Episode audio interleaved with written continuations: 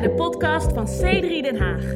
Een kerk die mensen wil bereiken, bouwen en bekrachtigen met een boodschap van geloof, hoop en liefde. We hopen dat deze podcast je verfrist en inspireert.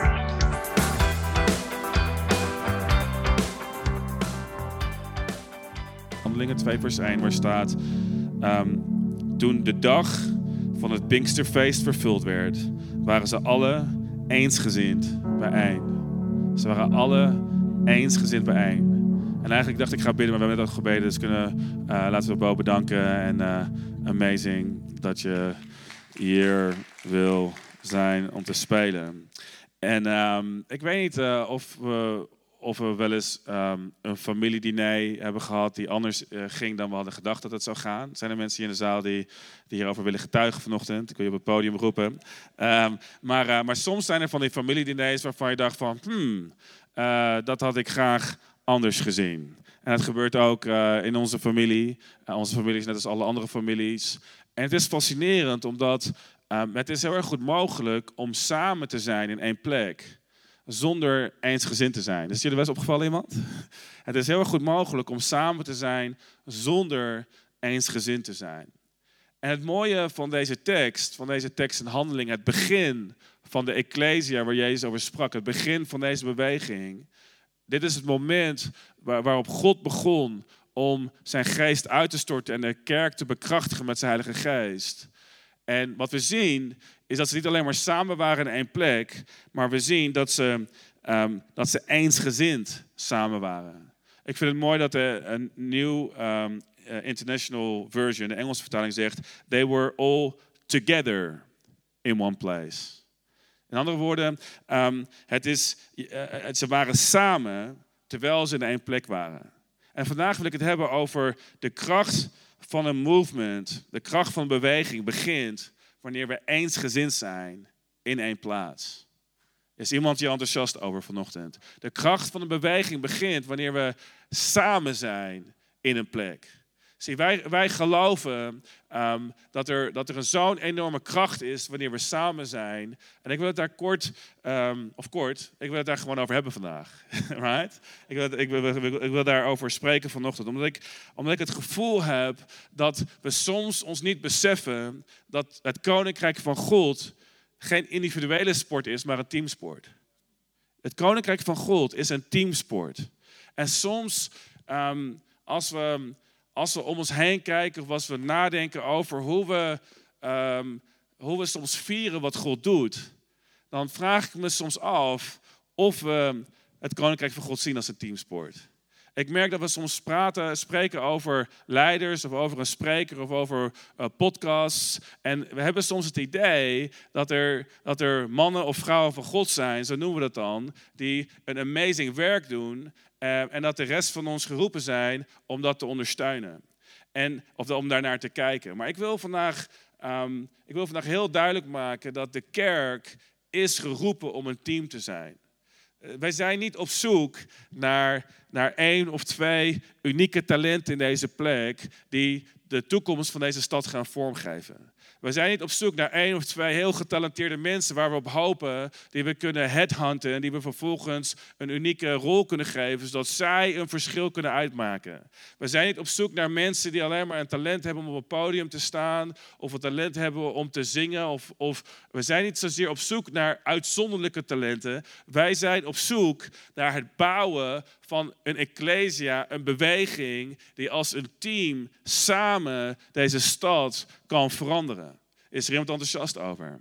Zie, want soms, zie, als, we, als, we, als we ons kunnen beseffen dat, de, dat het koninkrijk van God een teamsport is, als we ons kunnen beseffen dat het iets is wat we samen doen, dan, dan is er iets in ons wat ehm, misschien wat meer zeker begint te worden over onszelf, omdat we onszelf minder beginnen te vergelijken met anderen om ons heen. Ik heb het idee dat als we. We zijn een beetje stil vanochtend. Dat, dat, dat erken ik gewoon even op dit moment. Ik benoem het. Doe ermee wat je ermee wilt doen. Maar ik heb, het, ik heb soms het. het, het ehm, ehm, eh, ik heb het verlangen om, om de kerk te zien schitteren. Ik heb het verlangen om, om het huis van God te zien schitteren. En zie, als we komen naar het huis van God, en ik zeg, ik heb, helemaal niet, ik heb helemaal niet het gevoel dat dat nu hier plaatsvindt, dus dat is niet waarom ik over spreek. Maar als we komen naar het huis van God met een, met een individualistische mindset, dan kunnen we soms verliezen wat God onder ons aan het doen is. En laat me dit zeggen, wij, we hebben net een, uh, een leidersconferentie gehad.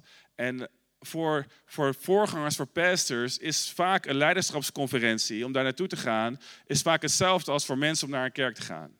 Uh, ik ben ook een mens overigens. Maar voor, voor, voor mensen die naar een kerk gaan, hebben we soms een, kun je als, als leider soms een gevoel hebben: hey, ik ga naar iets wat georganiseerd wordt, iets wat groter is dan mezelf. Um, hoe zou het zijn? Uh, word ik bevestigd, bemoedigd? Wordt er in me geïnvesteerd? Zien mensen dat ik er ben? Um, en er is een bepaalde mate, er kan een bepaalde mate zijn van onderlinge vergelijking. En hoe groot is jouw kerk? Hoe groot is mijn kerk? Wat is God in jouw leven aan het doen? Wauw, amazing. Jouw gebouw is fantastisch. Um, er kan een soort van gevoel van competitie ontstaan. Want overigens, competitie is niet per definitie verkeerd als we het zien in koninkrijktermen. Um, maar er kan zo'n gevoel ontstaan waar, waar, we gaan naar een meeting en denken: ik wil gezien worden, uh, ik wil gehoord worden en dat soort zaken, right? En, dat is, en ik denk in de kerk kunnen we hetzelfde hebben, eh, als mens kunnen we hetzelfde hebben. We kunnen soms in ons geloof enigszins gericht zijn op onszelf. En er wordt geprofiteerd, maar er wordt niet over mij geprofiteerd. En allerlei verschillende zaken. Daar wil ik niet negatief over, over zijn, want dat is iets menselijks. Maar ik heb voor mezelf een jaar geleden een beslissing gemaakt. Um, heel, om heel bewust, ik deed het al onbewust, maar om heel bewust een beslissing te, te maken. Om niet, terwijl ik naar zo'n meeting ga, niet gericht te zijn op mijn eigen noden. En het klinkt misschien enigszins apart, want als pastor ben je constant bezig met de noden van je kerk met de noden van andere mensen. En dus eh, je kan denken, oké, op zo'n moment, dit is mijn moment om te ontvangen. Maar ik heb een beslissing gemaakt een jaar geleden. Ik ga naar deze meetings toe en het maakt me niet uit wie me bemoedigt. Het maakt me niet uit wie me ziet of niet ziet. Het maakt me niet uit um, wie in mij gelooft of niet in mij gelooft. Ik heb een beslissing gemaakt om anderen te bemoedigen, om anderen te zien, om in anderen te geloven en om anderen te bevestigen in gesprekken. Dus in gesprekken zoek ik het gesprek op. Niet over hoe gaat het met mijn kerk, maar over hoe gaat het met jou en wat kan ik doen om jou te helpen om meer vertrouwen te krijgen in het werk wat God in je leven doet. Want ik heb gemerkt dat heel erg veel mensen vaak geen idee hebben wat God in hun leven aan het doen is. Ik heb gemerkt dat er heel veel ontmoediging is in deze wereld en dat zo vaak mensen iets geweldigs doen voor God, maar dat de plezier bedorven wordt omdat we te vaak gefocust zijn op de problemen van ons leven en niet zien welke vooruitgang we hebben geboekt in de afgelopen periode in ons leven. Is er iemand hier vandaag die weet wat het is om te kijken naar problemen zonder te kijken naar wat er goed is gegaan? Er zijn 99 dingen goed gegaan, maar er zijn twee problemen en dat is hetgene waar je 90% van je aandacht aan besteedt. Dus ik heb ontdekt dat het heel erg gemakkelijk is om anderen te bemoedigen. Ik probeer ze op weg op te vangen waar ze zich onzeker over voelen. Ik probeer op te vangen waar hun issue zit in hun denken, in een gesprek. En ik probeer authentiek te spreken wat ik zie, wat positief is over die persoon. En ik zie gewoon dat als ik dat doe, dat het licht aangaat bij mensen. Dat het, dat het licht aangaat. En weet je wat het aparte is? Wanneer je begint om te investeren in anderen, wanneer je begint om anderen te bemoedigen, wanneer je begint om te geven in relaties, wat onmiddellijk gebeurt, is dat er, dat er in, een, in, een, in een paar seconden een enorm gevoel van gemeenschap is. Wat ik heb gemerkt is dat wanneer je geeft, dat je, dat je meer ontvangt. Dat wanneer je zaait, dat je meer oogst. En ik heb echt, echt in de afgelopen tijd ontdekt dat ik meer bemoedigd word in gesprekken waar ik anderen bemoedig, dan dat ik, anders, dan dat ik, dan dat ik op zoek ben naar bevestiging. En dus er is, er, wij samen hebben impact in ons samen zijn. Jij hebt een impact, wij hebben een impact op ons, op ons gemeenschapsgevoel. En ik, ik heb een verlangen naar een kerk die meer nog dan nu, want ik vind dat we een enorm bemoedigende kerk hebben. Is iemand het met me eens? Ik vind dat we een enorm liefdevolle kerk hebben. Maar ik denk dat het zo amazing is dat terwijl we meer en meer groeien in, in eenwording, dat de kracht van God daar beschikbaar is voor ons in ons leven. Dus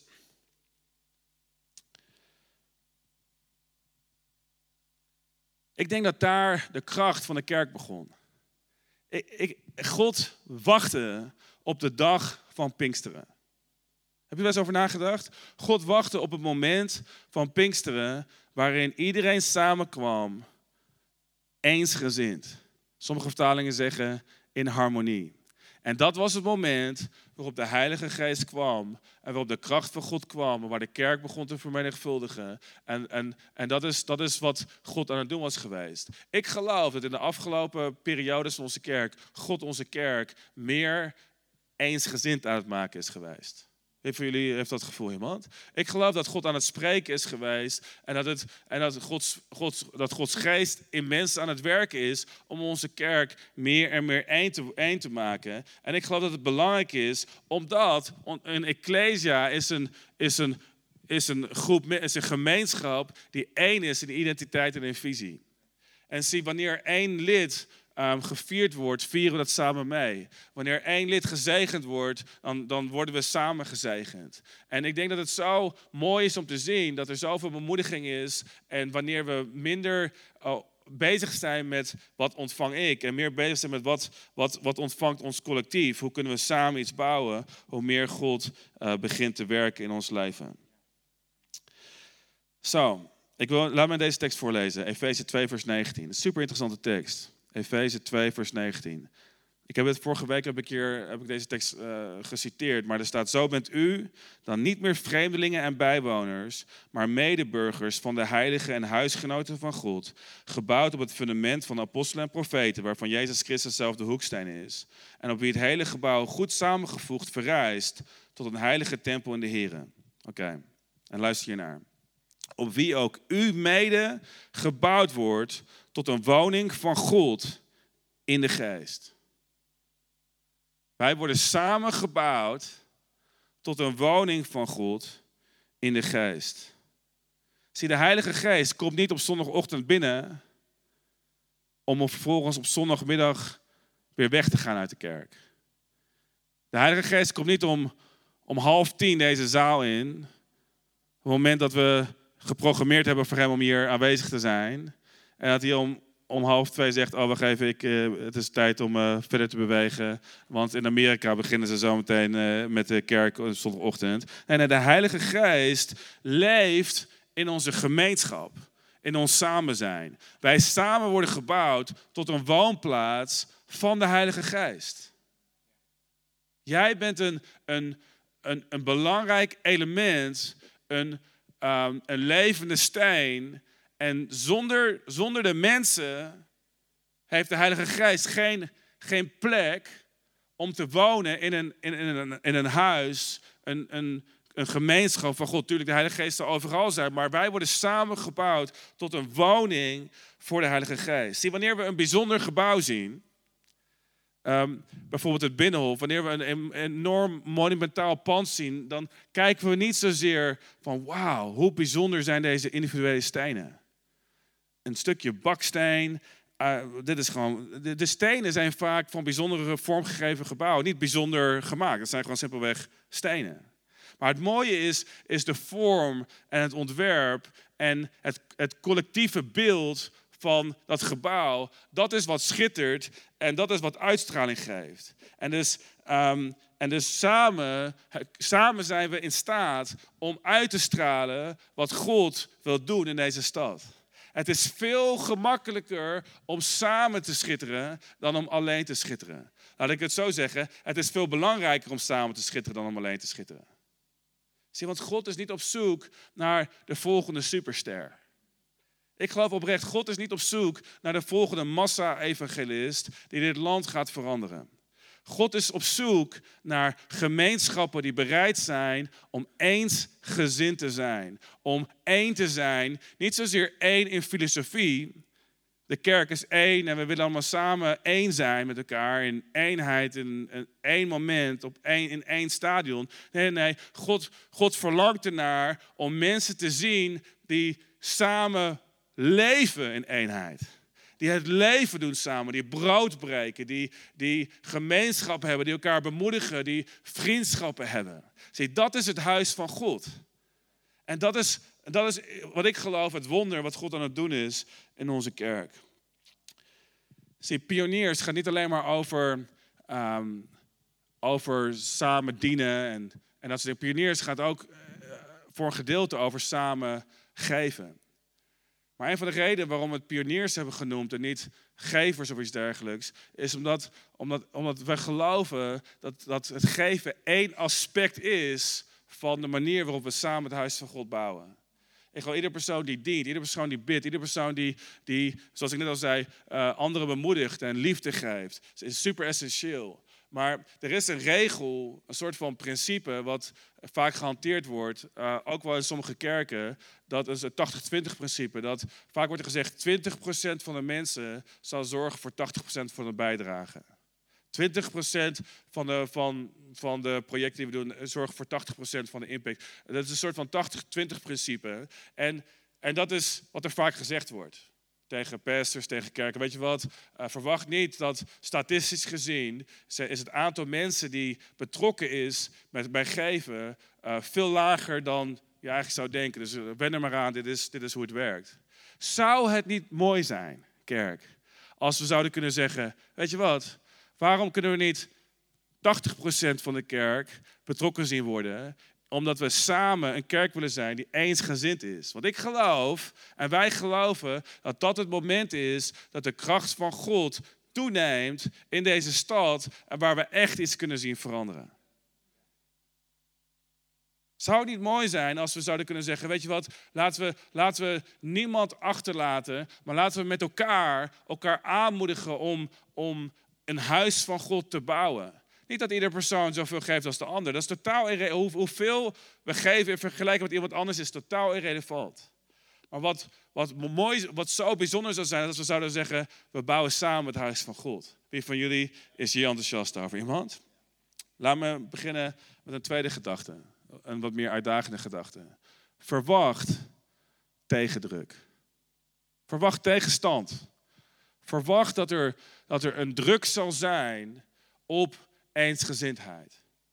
Want luister, als eensgezindheid een belangrijke factor is in de, in de kracht van de beweging van God hier op aarde, dan kun je ook er geld op zetten, letterlijk, dat de druk zal zijn, dat de tegenstand zal plaatsvinden op het gebied van eensgezindheid.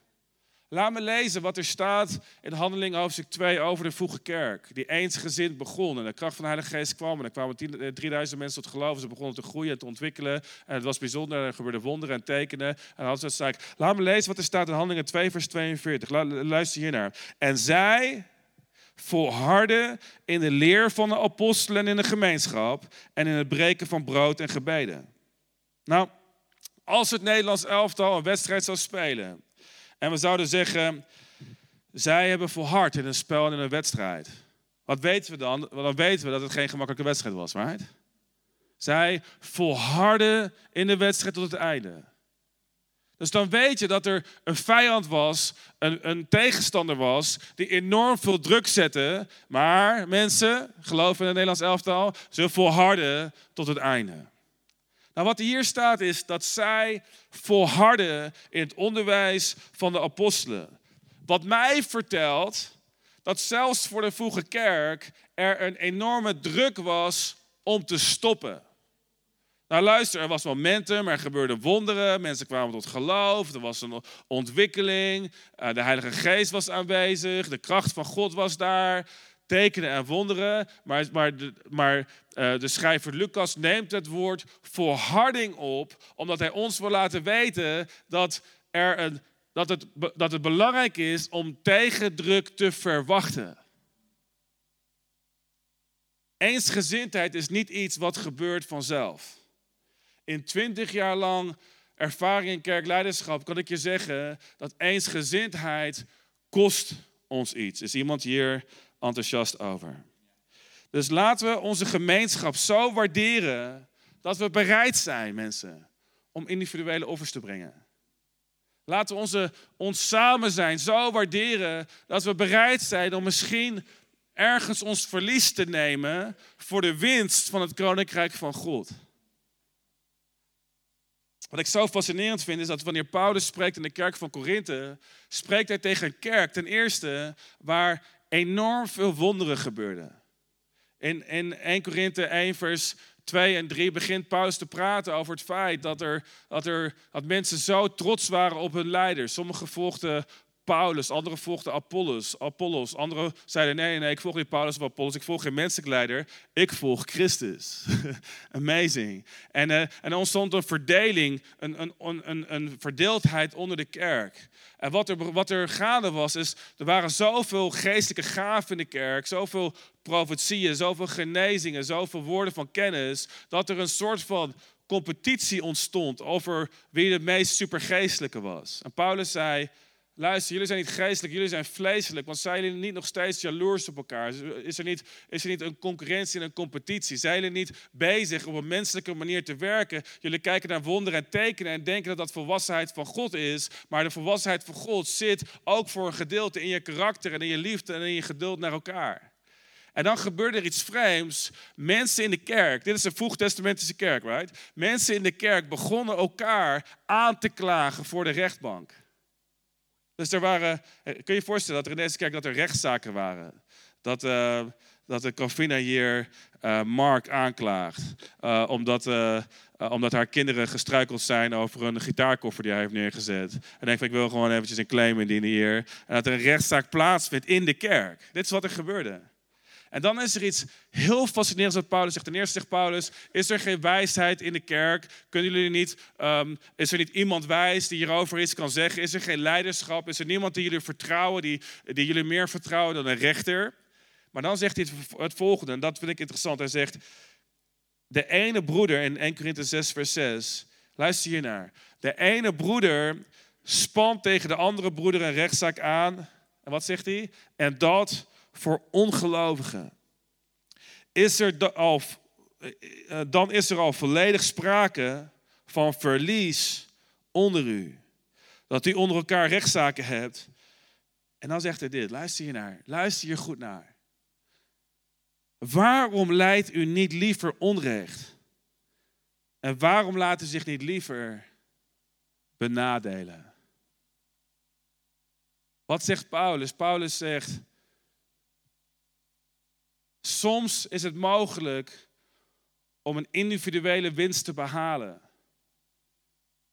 Soms is het mogelijk om recht te krijgen op letterlijk onrecht wat er gebeurt in je leven. Maar om dan nog steeds te verliezen. Zie, het is mogelijk, iedereen die getrouwd is weet het onderhand wel, het is mogelijk om een argument, een ruzie te winnen, maar om tegelijkertijd verlies te leiden in je relatie. En Paulus zegt, is het niet beter om op een bepaalde manier beter onrecht te lijden dan om verlies te lijden in ons, onze eensgezindheid? Zie, ik geloof, en ik denk dat dit een heel extreem voorbeeld is, right? Tot zover ik het weet, maar laten we weten als het gebeurt, zijn er nog geen rechtszaken onder C3 Den Hagers of C3'ers onder elkaar. Ik heb het nog niet, ik heb het nog niet meegemaakt. Maar ik denk dat het zo belangrijk is voor ons om, om een bepaalde manier van waardering te hebben voor onze eenheid. Dat we zeggen, ik ben bereid voor mij persoonlijk om het mij iets te laten kosten. Misschien heb ik gelijk. Misschien ook niet. Maar misschien heb ik gelijk. Maar wat kan ik doen om iets in te leveren op mezelf, zodat we als gemeenschap het lichaam van Christus kunnen vertegenwoordigen, zodat God verheerlijkt wordt. We dienen een Heer die onrecht leed aan het kruis, zonder terug te slaan, zonder wraak te nemen, om te vergeven en zijn leven na te, neer te leggen. En hij zei, kom, volg mij. En Paulus noemt hem regelmatig als een voorbeeld van nederigheid. Jezus Christus is ons voorbeeld voor nederigheid. Hij is ons voorbeeld voor dienstbaarheid. Hij is ons voorbeeld voor relationele eh, vergeving. Hij is ons voorbeeld voor degene die, die zegt, misschien heb ik gelijk, maar God vergeeft hen, ze weten niet wat ze doen. Zie, want, want Jezus is ons, Jezus is de godlegger en de auteur van ons geloof. Is dit een lastige boodschap? Zie, ik geloof dat het zo bemoedigend kan zijn, omdat ik denk dat, dat we zoveel mensen, er is zoveel te verliezen. Er is zoveel te verliezen in deze stad. Als de kerk ongezond wordt, als de kerk bitter wordt. Er is, en er is zoveel te behalen als mensen zien. Dit is een plek waar mensen ja, echt zijn. En dit is een plek waar er echte conflicten zijn. Maar dit is een plek waar er echte vergeving is. Waar mensen niet wegrennen van problemen, maar waar we, waar we, waar we elkaar vergeven. Hoeveel mooier is een getuigenis van vergeving dan een getuigenis van conflict? Ik had, we hadden laatst een, een moment. Ik heb ook een bedrijf uh, naast de kerk, is niet mijn prioriteit. Maar we hadden een, een soort van moment met een klant. Waarin zij een aantal behoorlijke fouten hadden gemaakt. Waar een enorm project uh, compleet verpest werd. En ik zei tegen mijn team: Dit is een gelegenheid voor ons om te schitteren. Dit is een gelegenheid voor ons om te laten zien hoe we echt in elkaar zitten. Want dit is het moment waarin we kunnen laten zien dat we geven om hetgene wat we doen. En dat we geven om de andere persoon. En dat, dat had een positieve impact op ons project, op onze relatie. Hoeveel te meer zou dat een impact kunnen hebben in onze kerk? Right, amazing. Dus, mijn laatste gedachte. God is ons vooruit aan het bewegen. Dus laten we een korte terugblik doen. De kracht van een beweging begint wanneer we eensgezind zijn in één plaats. Verwacht tegendruk en God is ons vooruit aan het bewegen. Het werk van God wordt in Ezekiel 47 uitgelegd, um, uitgebeeld in een enorm mooi beeld van een rivier die stroomt uit de tempel van het huis van God. En die rivier die gaat richting het oosten en als je kijkt richt, het oosten uh, richting een zee. En er is een zee ten oosten van uh, Jeruzalem. En dat is de Dode Zee. Dus mensen, de Israëlieten, die, die hadden een beeld van, van een, een, rivier die stroomde vanuit de tempel van het huis van God naar het oosten toe. Richting de Dode Zee, de Zoute Zee. Um, uh, en de zee is een beeld van de wereld. Nou, en dit is wat Ezekiel zegt op een gegeven moment in het plaatje. Want het is, een, het is een rivier, zegt hij, die dieper en dieper gaat. En hij moedigt ons aan uh, om, om te gaan van enkeldiepte tot aan kniediepte, tot aan middeldiepte, tot aan compleet, compleet overgegeven.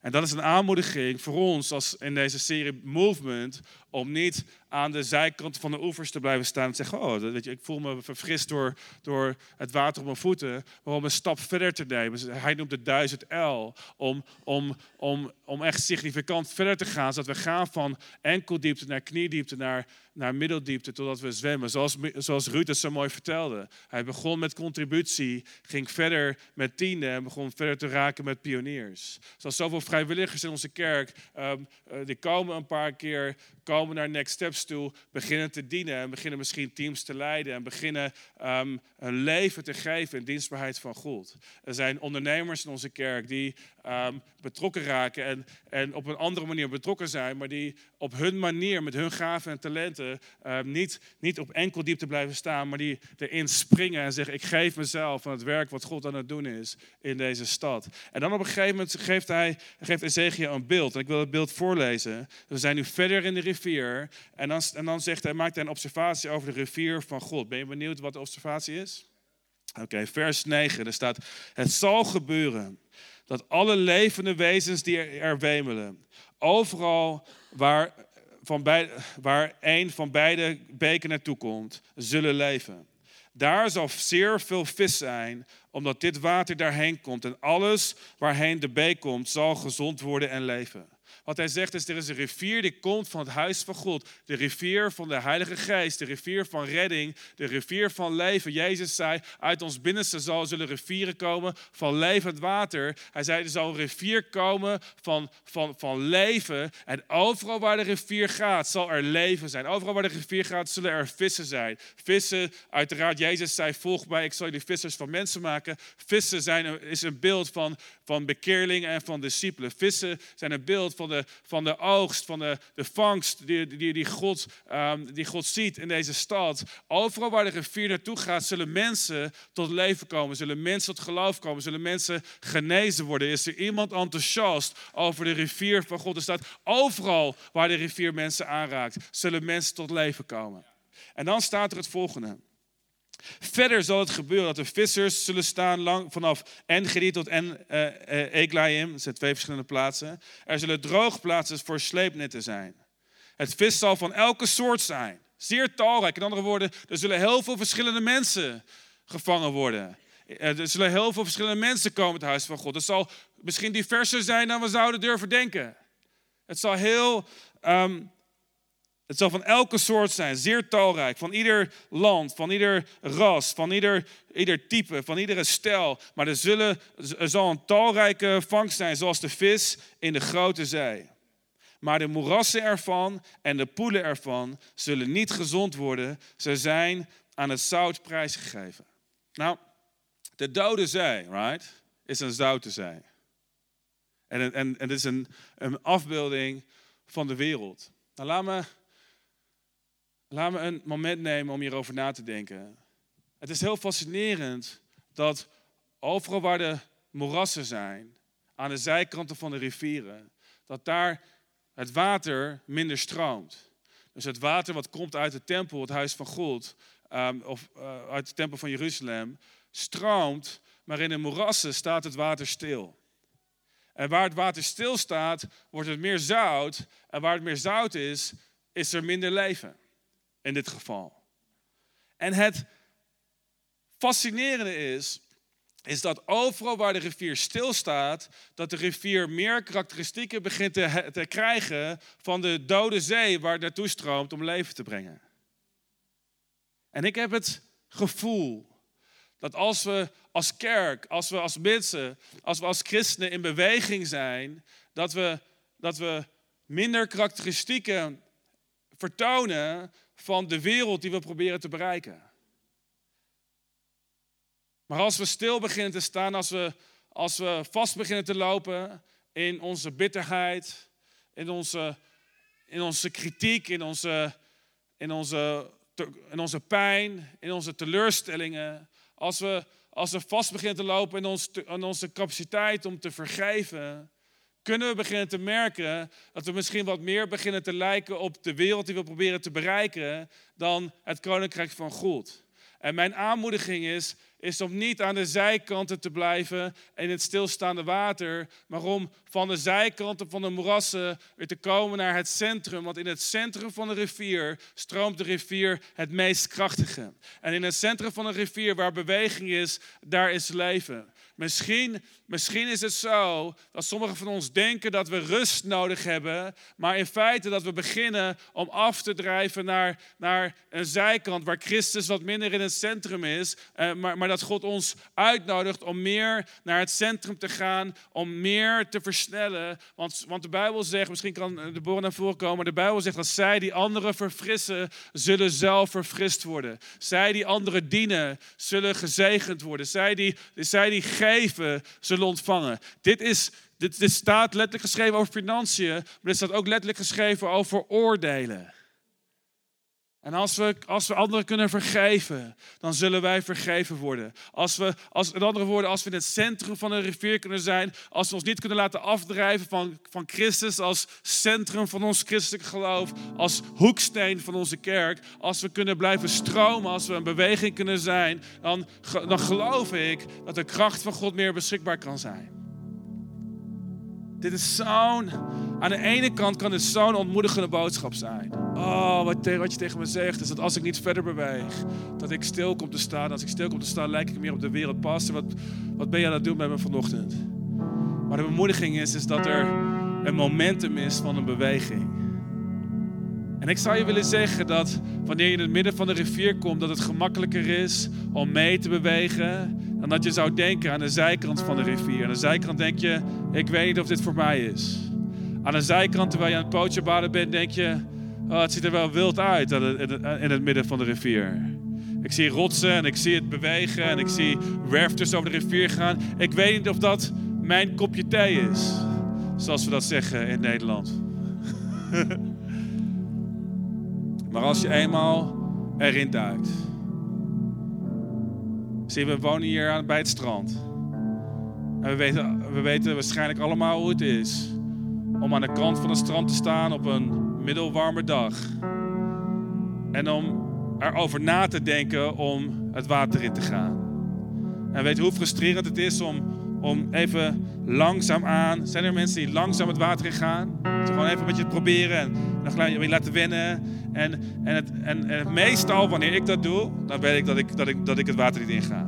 Als ik denk, weet je wat, ik ga het vandaag gewoon even testen, even proberen. Ga eens even kijken of ik, ja, nee, ik denk het niet.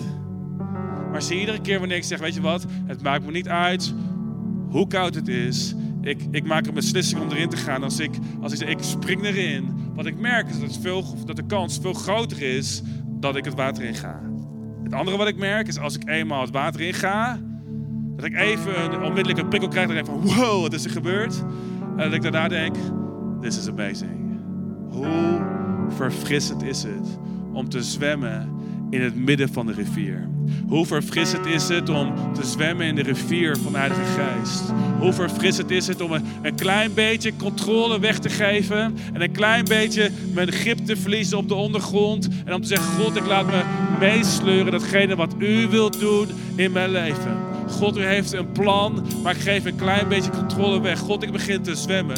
God, ik geloof dat als ik begin te zwemmen in mijn financiën, als ik begin om u te vertrouwen, als ik begin om te drijven, dan geloof ik dat ik kom waar u me wil hebben.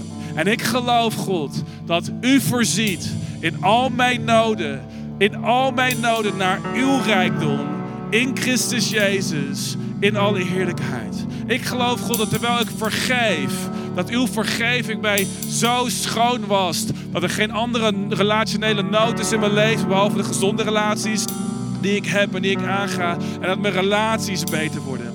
God, ik geloof dat als ik mijn verlies neem, dat het koninkrijk van God winst ervaart. En ik geloof God dat u rechtvaardig bent en dat u, God, mij zegent terwijl ik uw huis bouw. Geloof ik, God, dat u mijn huis zou bouwen. Bedankt voor het luisteren naar deze podcast. Wil je er op zondagochtend ook een keer bij zijn? Je bent van harte welkom. Ga voor meer informatie naar c3denhaag.nl